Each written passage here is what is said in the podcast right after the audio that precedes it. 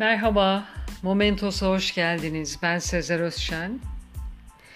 Bugün benim de ilk defa duyduğum bebek kutularından bahsetmek istiyorum.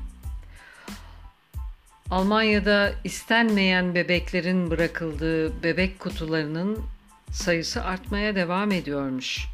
Son olarak başkent Berlin'de bir hastane ebeveynlerinin gizlice bebeklerini terk edebilmesi için bir bebek kutusu geliştirdi.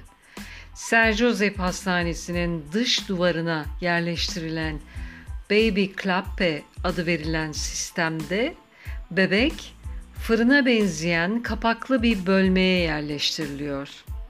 Kutu kapatıldıktan sonra içindeki alarm çalmaya başlayarak hastane personelini uyarıyor. Ve böylece bebek 2-3 dakika içinde personel tarafından bölmenin hastane içindeki tarafından alınıyor. Kutunun içinde bebeği bırakanlara hitaben yazılmış bir mektup da bulunuyor. Mektupta bebeğin bakımının 8 hafta boyunca devlet tarafından yapılacağı ve ebeveynleri 2 ay içinde ortaya çıkmazsa evlatlık verileceği hatırlatılıyor.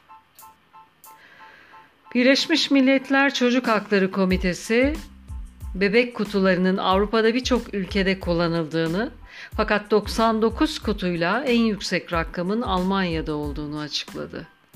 Almanya'yı 45 kutuyla Polonya takip ediyor. Çek Cumhuriyeti, Vatikan, İsviçre gibi ülkelerin yanı sıra Kanada ve Malezya'da da bebek kutuları bulunuyor diye yazmış. İnternette Can Aksın. Bizde böyle bir şey yok. Genellikle bildiğiniz gibi ya cami avlularına bırakılır ya da çöp konteynerların içinden çıkar ya da en kötü yer tuvaletler. Oralardan da çıkmışlığı vardır bebeklerin. Bu tabii ki düşününce güzel bir sistem. En azından bebek temiz bir alanda üşümeyeceği ve hemen karşı tarafın alarmla haberdar edilebileceği bir sistemde korunuyor. Gönül ister ki istenmeyen bebekler olmasın. Bütün bebekler eğer oluyorlarsa istensin, sevilsin, gözetilsin.